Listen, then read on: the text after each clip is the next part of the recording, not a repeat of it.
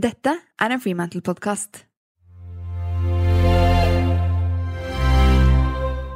Jeg har en veldig positiv innstilling til eh, livet. Jeg har jo et sånt livsmotto. Jeg nesten hver dag ser meg selv i speilet og sier 'ny dag, nye muligheter'. For jeg ser ikke på en utfordring som et problem, jeg ser på det som en mulighet for å løses.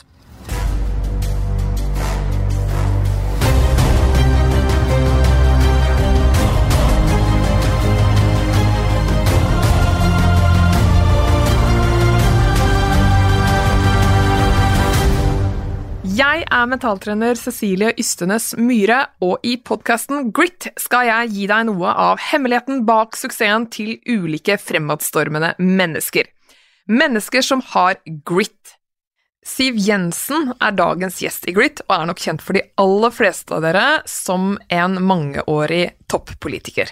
Siv er også kjent for å være et arbeidsjern, og en med masse engasjement og driv. Vi snakker om en dame som da har faktisk vært finansminister på dagtid og partileder på kvelden. I denne samtalen snakker Siv om hvilken mentalitet som ligger bak tanker, valg og tøffe perioder som toppolitiker. Tidligere i år gikk hun av som leder for Frp, og er i disse dager allerede i gang med flere nye lederverv i diverse styrer. Jeg synes Siv går gjennom viktige temaer som kvalitet på motivasjon, betydningen av å evaluere, og ikke minst ta med seg verdifulle erfaringer i en hektisk hverdag. Velkommen til en ny samtale om grit. Velkommen til Grit-podkast, Siv. Tusen takk. Du, jeg, jeg, skal være ærlig at jeg har notert ganske mange spørsmål der, og vi skal komme til de. Mm -hmm. Men jeg må bare spørre sånn rett fra levra, hva er du lagd av, egentlig?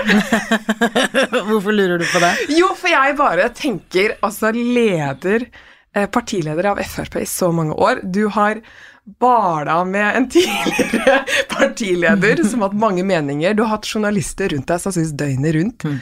Hver gang jeg faktisk har sett deg i Oslo sentrum, så har du hatt en livvakt på deg. Mm. Finansminister veldig lenge. Mm. For et ansvar. Altså For meg så bare virker det som du, du har jobba og jobba og stått på og stått på. Det må bare ha vært så mye blod, svette, tårer. Så ja, hva er du lagd av? Nei, det er riktig at det har vært en ekstremt intens uh, del av livet mitt. Jeg ville aldri vært den foruten, men jeg kjenner jo nå som jeg har uh, hatt litt tid til å slappe av på. Det var da jeg begynte å kjenne på at jeg faktisk var litt sliten, fordi man går vel antagelig inn i en sånn adrenalinboble, tenker jeg.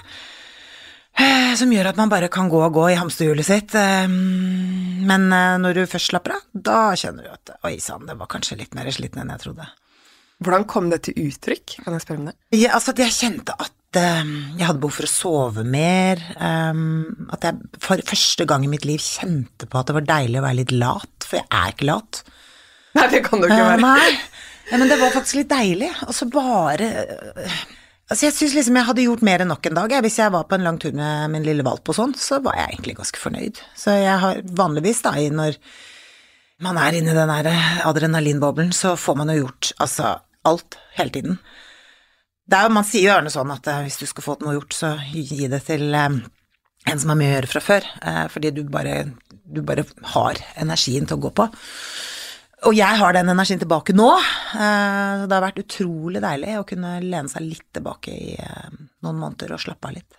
Men kjente du at etter så mange år i den bransjen at vet du hva, jeg vet hva slags energinivå jeg må ha for å mm. operere på det nivået, nå har jeg det ikke, så da nå, nå, må jeg ta et valg? Var det litt sånn Ja, men det handlet ikke om energi, det handlet mer om å ha driven til å fortsette, fordi det å være toppolitiker, partileder, det er jo eh, en ekstrem eh, sport, egentlig. Eh, du jobber jo 18 timer i døgnet nesten hver helg, eh, du har aldri fri. Og da må du være topp motivert. Du må liksom brenne for, eh, for det. Og så komme til et sånt punkt hvor jeg, jeg følte at jeg hadde snudd, snudd, bunken litt for mange ganger. At jeg var litt tom, litt lei. Det var litt, begynte å bli kjedelig. Og jeg har alltid sagt til meg selv at når jeg begynner å kjenne på de følelsene, da, det, da må jeg gi meg. Ikke bare for min egen skyld, men også for partiet sin skyld. For de har godt av å ha en leder som er på full gass, og ikke på halv gass. Men har du alltid visst at det var politiker du ville bli? På ingen måte. Fortell, hvordan kom du fram til at Eller det ble et verdivalg for deg, da? sett med tilfeldigheter. Jeg er skrudd sammen litt sånn at jeg planlegger egentlig aldri veldig langt frem i tid. Altså det er jo veldig ofte man får sånne spørsmål om eh, hvor ser du deg selv om fem år? Aldri kunne svare på de spørsmålene, i hvert fall ikke ærlig. For det er ikke sånn. Eh, jeg står i det jeg står i mens jeg står i det. Også, men det jeg derimot er veldig sterk på, det er at hvis jeg først bestemmer meg for at jeg skal gjøre noe annet, da skulle det skjedd i går, altså. Ja, da Da blir får, ikke, da, får jeg, veldig, da får jeg ikke gjort de endringene raskt nok. Men hva har vært den driven? For jeg tenker sånn når du står opp om morgenen og så vet du at i dag skal gå løs på 18 timer osv. og så videre. Hva har vært den derre grunnleggende intensjonen i alt du har gjort, da? Er det Det- politikken i seg selv? Ja, altså det handler jo om å kunne gjøre en forskjell for folk. Det er jo derfor politikk er så spennende. Jeg har jo aldri vært opptatt av én liten del av politikken. Eh, Jeg har alltid ment at alt henger sammen. Om det så var at eh, jeg hadde lyst til å gjøre noe med eldreomsorgen, så vet jeg jo at da må man gjøre noe med penga. eh, Og systemet og helheten. Og den gleden du får eh, når du møter et menneske som du har gjort en forskjell for, den, er, den går det ikke an å sette ord på. Det er ubetalelig, rett og slett. Og du, jeg må spørre, for Det var jo ganske naturlig skifte at det var du som ble den nye partilederen. Men jeg bare husker nesten sånn eh, nesten sånn tidlige bilder fra NRK. altså sånn, Du var veldig ung, altså! Men var det, var det veldig klart for deg veldig tidlig at du ønsket å ta den rollen? Nei, Nei. nei, men igjen, det er, litt sånn veien har blitt til mens jeg har gått. Ja. Jeg skulle jo ikke bli politiker i det hele tatt, jeg skulle drive med noe helt annet, men så ville tilfeldighetene at jeg skulle mm, begynne å jobbe litt med politikk. Altså dette var, liksom, jeg var nyutdannet eh, økonom, og det var på en tid hvor arbeidsledigheten i Norge var kjempehøy.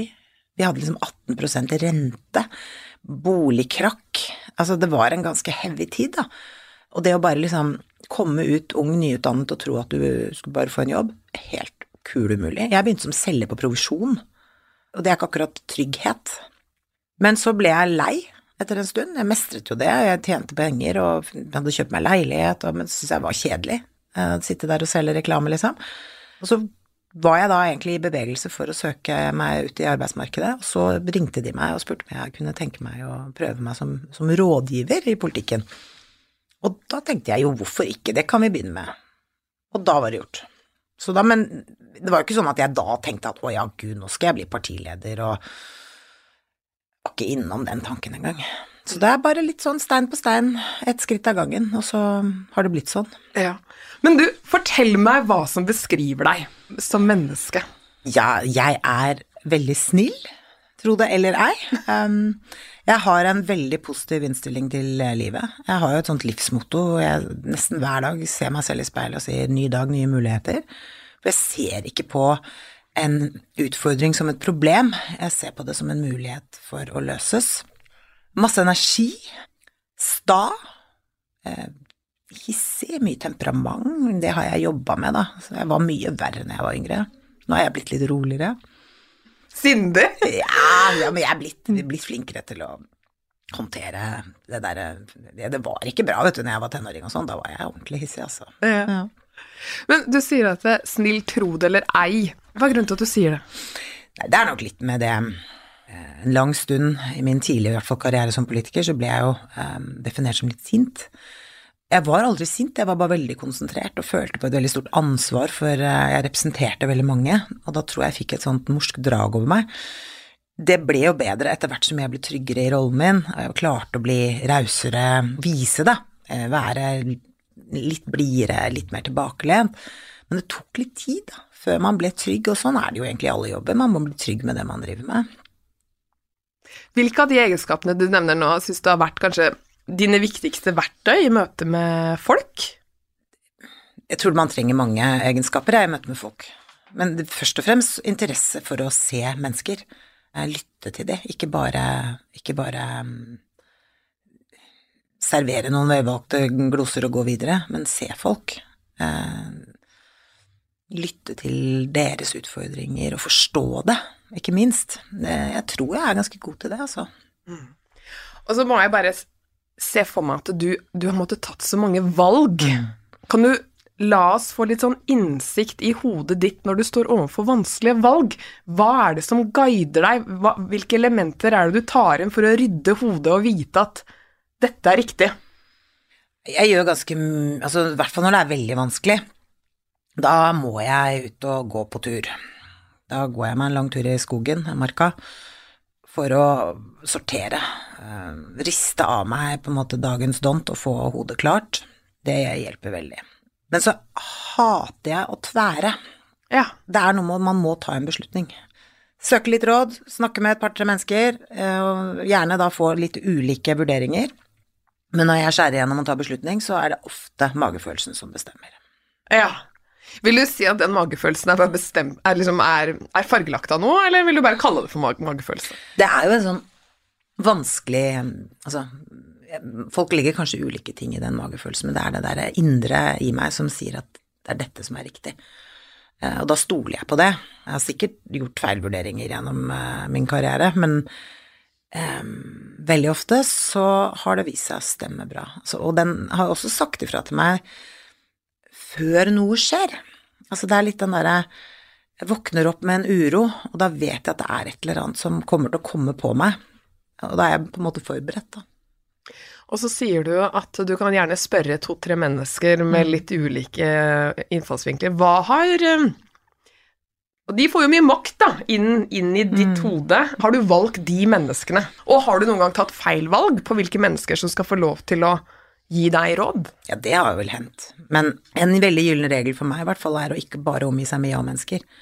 Eh, du skal ha mennesker som du stoler på, som er lojale, men som tør å si sin hjertens mening, og som ikke bare tror at eh, de sier det du vil høre, men de skal si det de mener. Um, jeg tror det dummeste en leder gjør, er å bare omgi seg med ja-mennesker, eller med mennesker som ikke representerer hva skal si, en trussel, da, fordi man er redd for at det skal komme flinke folk og um, passere en. Da er man en veldig dårlig leder. Man skal bygge, utvikle folk, og se at det gror rundt deg, og tenke at hm, her er flott, her kan jeg, nå kan jeg trekke meg tilbake uan når som helst, for her er det en, folk klare til å overta. Ja. Det mener jeg er helt avgjørende som leder. De fleste bedrifter har definert verdier som skal kjennetegne akkurat deres bedrift. Lurt, mener jeg, men i mange tilfeller mangler sammenhengen mellom de verdiene som er definert, med den faktiske kulturen på arbeidsplassen. Og hvis du kjenner på akkurat det her, så har jeg en god nyhet. For 15. oktober kjører min annonsør Dagens Næringsliv i gang et nytt webinar der akkurat dette er tematikken. Webinaret er holdt av Lederlivet-skribentene Gitte og Thomas Nesset Mittelfart. Og det de skal ta for seg i webinaret, er hva bedriftskultur er, og hvilken betydning det har for de resultatene som skapes. Webinaret er eksklusivt og gratis for DNs totalabonnenter, og er du ikke abonnent fra før, så finner du et godt tilbud på dn.no slash ledelse.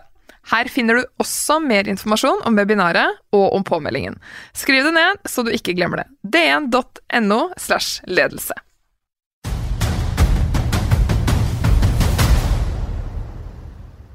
Altså denne robustheten, kall det gjerne tryggheten til å stå ganske støtt i krevende situasjoner. Altså hva er det du bygger selvtillit på?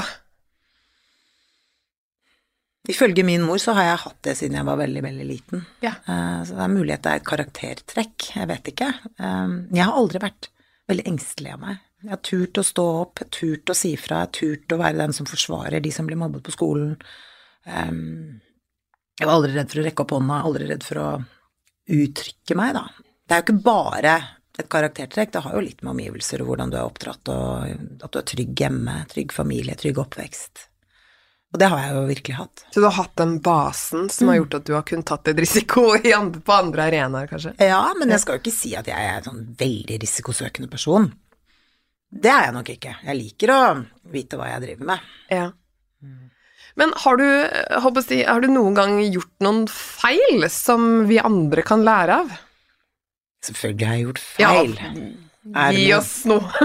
Nei, men altså, når du står i masse mediestormer hele tiden, da tråkker du feil. Og du tråkker feil når du skal håndtere eksempel, altså, man skal kalle det personalsaker, da. Fordi særlig for politikere blir så eksponert hvis de gjør dumme ting, og det skjer jo hele tiden. Men det er på en måte partilederen som må svare. Selv om jeg alltid har vært liksom uskyldig i det, så må jeg på en måte stå til ansvar og nærmest arve problemet.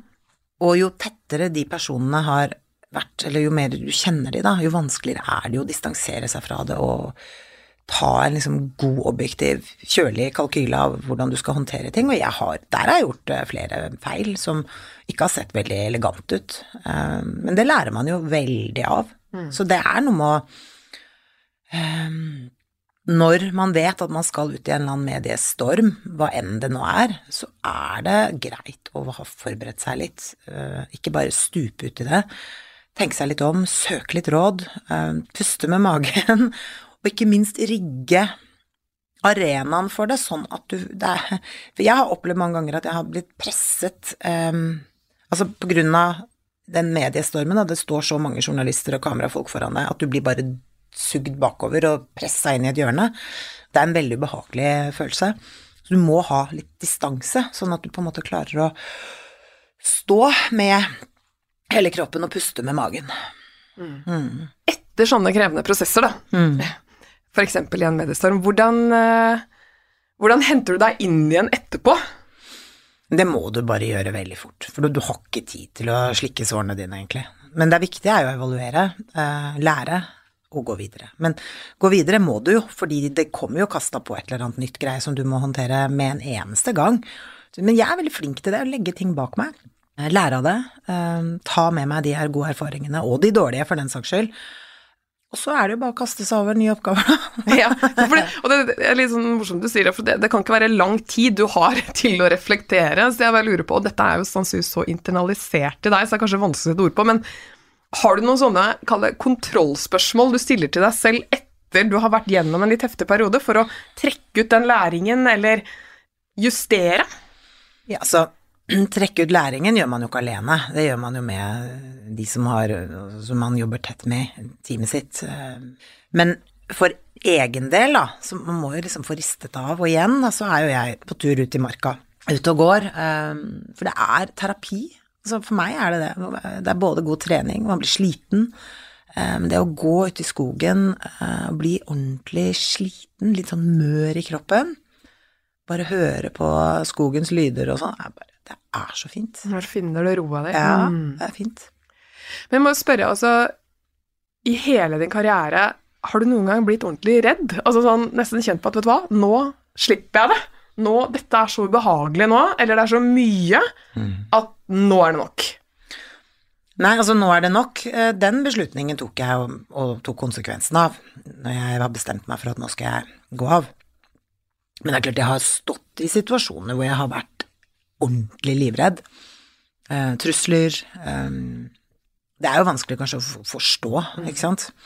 Men eh, det er eh, så skremmende skummelt. Og da er det vanskelig å klare å få hodet til å fungere, da, fordi hjertet banker så fælt. Ja. Og det krever litt sånn pusteteknikker, altså puste, puste og stole på at den sikkerheten som er rundt deg, gjør jobben sin. For du har jo levd med livvakt. Hvor mange år har du levd med livvakt? Ja, seks og et halvt år. Ja. Det venner man seg til, tro det eller ei. Eh, men jeg var, det var så rart, vet du, de første tiden jeg hadde, hadde livvakter, så følte jeg på en måte at jeg la beslag på deres tid, at jeg liksom var litt i veien, sånn at jeg forta meg så fælt hele tiden. Eh, For de var jo med meg i butikken, de var med meg på egentlig alt jeg skulle. Jeg handlet jo så fort. Eh, Så det hendte jo at jeg ikke alltid fikk med meg alt jeg skulle og sånn, fordi jeg hadde veldig, jeg skulle forte meg sånn at de kunne liksom få meg hjem. Men så merket jo de at jeg holdt på sånn, eh, og at det var åpenbart ting jeg ikke gjorde som jeg burde gjøre. Eh, Så da satte de seg ned med og sa de at nå må, du, nå må du slutte med det der. Vi er på jobb, vi har betalt for å gjøre dette, og vi jobber skift. Det er du som går og går som en Duracell-kanin, vi jobber skift, så nå må du ta det med ro. Og det viste seg jo, ikke sant, jeg hadde jo svære lass med sånn hermetikk som skulle kastes, og pante flasker og ting som jeg skulle kjøre på fylling og sånn, det hadde jeg bare stappa ned i kjelleren, for det kunne jeg liksom ikke bruke deres tid på. Ehm, Så empatien strakk seg godt inn ja, til ja, livvakttjenesten. ja, ja, ja, ja. Men eh, så til slutt, da, så skjønte jeg jo at det der går jo ikke. Nei. Nei. Nei. Men det er, jeg tror det er ganske vanskelig for folk å sette seg inn i Altså, mange kan kjenne at en vanlig jobb er ganske krevende i seg selv, og så skal du plusse på drapstrusler og, og, og nesten må ha beskyttelse. Det er ganske heftig. Det har blitt, som sier, det, har vært mange år med det med deg, men Har det gjort deg bare enda mer herda, tror du, eller? Um, herda Altså, man blir jo herda på et vis, for du får jo et sånn um, hva skal vi si, en politikerrustning, om du vil. Jeg har jo alltid sagt at det er forskjell på politikerens siv og privatpersonens siv. Uh, og de gangene jeg har blitt såret, ordentlig såret, så er det når folk tråkker inn i den private siv og uttaler seg om ting de ikke aner noen ting om. Uh, begår karakterdrap, liksom. Da blir jeg lei meg. Uh, men når jeg representerer på en måte gjennom politikerrollen, så lærer du deg til å tåle, tåle litt, da. Ja. Har du hatt et bevisst uh, forhold til å skille mellom de to rollene? Veldig. Veldig. Fortell jeg, litt om det. Jo, nei, jeg har alltid vært veldig opptatt av, av å skjerme privatlivet mitt. Uh, og det er ikke fordi at det har vært så veldig mystisk, men fordi at når, når du tilbringer nesten hele døgnet i en offentlig sfære, hvor du er tilgjengelig, hvor du møter pressen, du møter folk, det er bare det å gå i butikken, så, så, skal du jo stoppe og snakke med folk, du skal være blid, du skal ha den tiden. Um, så er det et eller annet med når du da først kommer hjem og kan dra på deg joggebuksa, og, så, så, skal det være litt sånn helligtid, da. Og det gjorde jeg et bevisst valg på veldig, veldig tidlig. Ikke sånn hjemme hos-intervjuer, ikke bilder hjemme, ikke slippe alt inn hele tiden. For det skulle være en sånn frisone hvor jeg bare liksom kunne putle med mitt. Jeg har en podkast som jeg veldig gjerne vil anbefale til alle dere med lederambisjoner. Jeg var litt inne på den i forrige episode, nemlig podkasten til Anita Krohn Traaseth, Godt nok for de svine. I podkasten så møtes Anita og Hege Skogen én gang i uken for å snakke om små og store utfordringer som Hege, og sannsynligvis du selv, møter på veien oppover karrierestigen. Og det spennende her er at Hege har lederambisjoner, mens Anita allerede har tatt den reisen. Og sammen utgjør de en god duo som snakker om alt fra makt, relasjoner, forhandlinger, nye lederroller, hvordan håndtere stress i en hektisk hverdag, og mye, mye mer. Sjekk den ut, godt nok for de svina.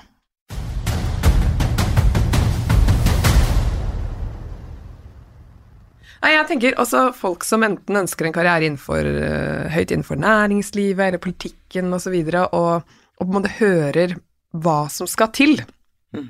Hva, hva, er eh, elementet man på mange måter må tåle, da? Hvordan vil du råde de til å forberede seg mentalt? Så nå er det jo ikke det samme kjøret for alle politikere. Liksom, det er jo en lite knippe altså, De som er partiledere, og kanskje statsråder, den, kombinasjonen av det, er jo de som er eh, mest utsatt. Og jeg vil også mene kvinner er mer utsatt enn menn. For nærgående, intime spørsmål som av og til er ganske ufine. Ehm, men jeg håper jo at alle unge jenter, særlig da, som kanskje går med en liten politiker i magen, eh, forfølger den drømmen. Ehm, fordi hvis ikke så forvitrer vårt demokrati. Altså, vi trenger hele tiden eh, at det kommer nye, flinke, talentfulle politikere til, og at det helst er en halvpart kvinner, da, for vi er halve befolkningen, og at ikke de er redde for det. Men så har jeg sagt også i en del eh, samtaler jeg har hatt med journalister nå liksom på, eh, i kjølvannet av at jeg har gått av, at de også må tenke seg litt om på hvordan de behandler intervjuobjektene sine. Eh, at de eh, Pressen liker jo å fremstille seg selv som eh, rød, radikal, um, opptatt av feminisme og likestilling og sånn, men de er jo ikke det når de begynner å stille spørsmål. Da, De forskjellsbehandler jo sine intervjuobjekter i, i forhold til liksom, hvor nærgående de er, hvilke spørsmål de tillater seg å stille. Så jeg har sagt at det må de rett og slett gå i seg selv på. For hvis ikke så kommer vi til å få et rekrutteringsproblem, eh, og det mener jeg ikke vårt demokrati har godt av. Nei, og ikke noe man skal måtte tåle.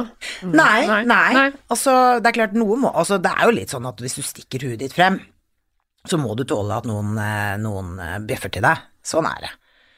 Så er du liksom redd for det, da er det jo kanskje ikke den veien du skal gå, men så er det jo også sånn at man blir jo Man lærer jo mens man går. Altså, jeg husker første gangen jeg gikk opp på en talerstol. Jeg var jo livredd. Det er noe av det skumleste jeg har gjort. Jeg skalv så fælt.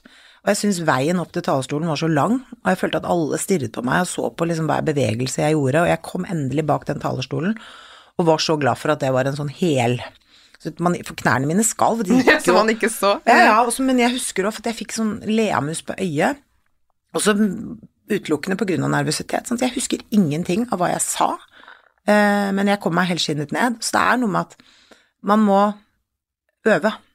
Øve. Uansett Jo, men det, det, hvem er det som er født eh, toppleder? Ingen. Du blir god av å øve, og da må du do it in practice. Det hjelper, og du kan lese så mye teori du bare vil, men du skal omsette den i den virkelige livet i hverdagen. Og da må man liksom mm, være litt ydmyk da, når man tiltrer en oppgave som fersk. Og være litt ærlig på at dette er første gang jeg gjør dette, og vi må gå, vi må gjøre dette sammen. Og så blir man gradvis tryggere i, i rollen sin mens man utøver. utøver. Og nå eh, har du allerede begynt å tatt på deg nye lederverv. kan ikke du fortelle litt om eh, hvordan du ser for deg at eh, høsten blir for deg og 2022? Du, jeg gleder meg så fælt til eh, Eller jeg er jo egentlig i gang med mitt nye liv. Og det er én ting jeg er veldig bestemt på, at jeg skal ikke innrette meg sånn at jeg må jobbe like mye som jeg har gjort. Um, jeg er veldig glad i å jobbe, men jeg vil ha litt mer eh, liv utenfor jobben. Jeg vil ha tid til Det er jo en grunn til at jeg kjøper meg hund.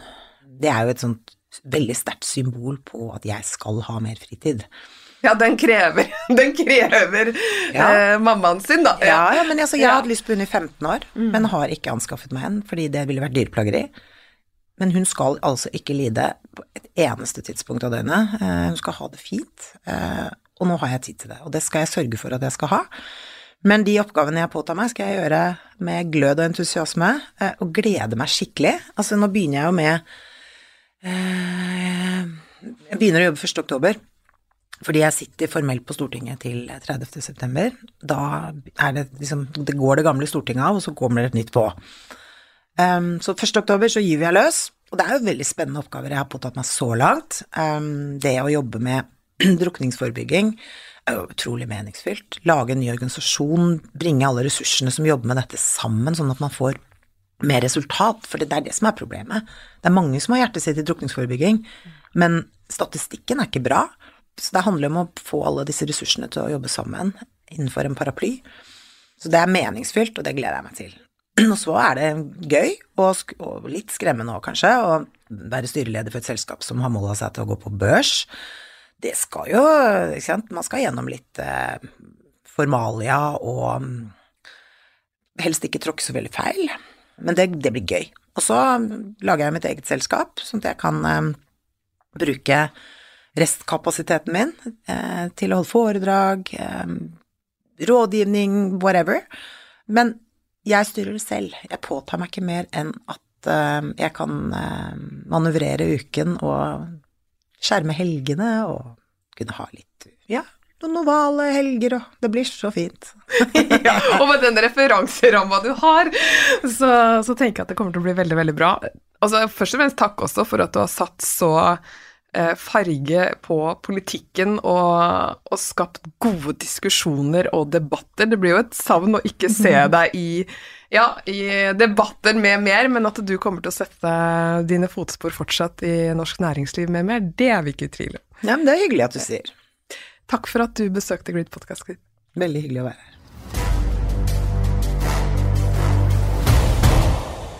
Det er ingen tvil om at Siv Jensen vet hva det vil si å jobbe hardt over tid for å leve sin visjon fullt ut. Hun vet også hva det vil si å levere under press med flere ting som potensielt kan ta vekk fokuset på de viktigste arbeidsoppgavene. Jeg tar med meg mange ting fra Siv, men spesielt dette med å være bevisst på at man skal prestere på et høyt nivå over tid, så må kvaliteten på motivasjonen være også på et visst nivå. Og om den ikke er der, så er det også viktig å ta konsekvensene av det. I tillegg digger jeg hvordan Siv er tydelig på at hun sammen med sine nærmeste rådgivere er opptatt av å evaluere raskt og godt, slik at hun lærer raskt. Og så sier hun veldig ofte i løpet av episoden Nei, da handler det om å puste med magen, Cecilie. Som jo er et enkelt, men viktig aspekt i å holde hodet kaldt når det koker som mest. Min utfordring til deg denne uken er å spørre deg selv hvordan du kan sjekke av kvaliteten på din motivasjon. Altså, i hvor stor grad opplever du at du har den drivkraften eller motivasjonen som må til for å legge ned den innsatsen som tar deg nærmere målet ditt? En måte å uansett få opp motivasjonen er at det er klart for deg hvorfor måloppnåelse er viktig. Lykke til!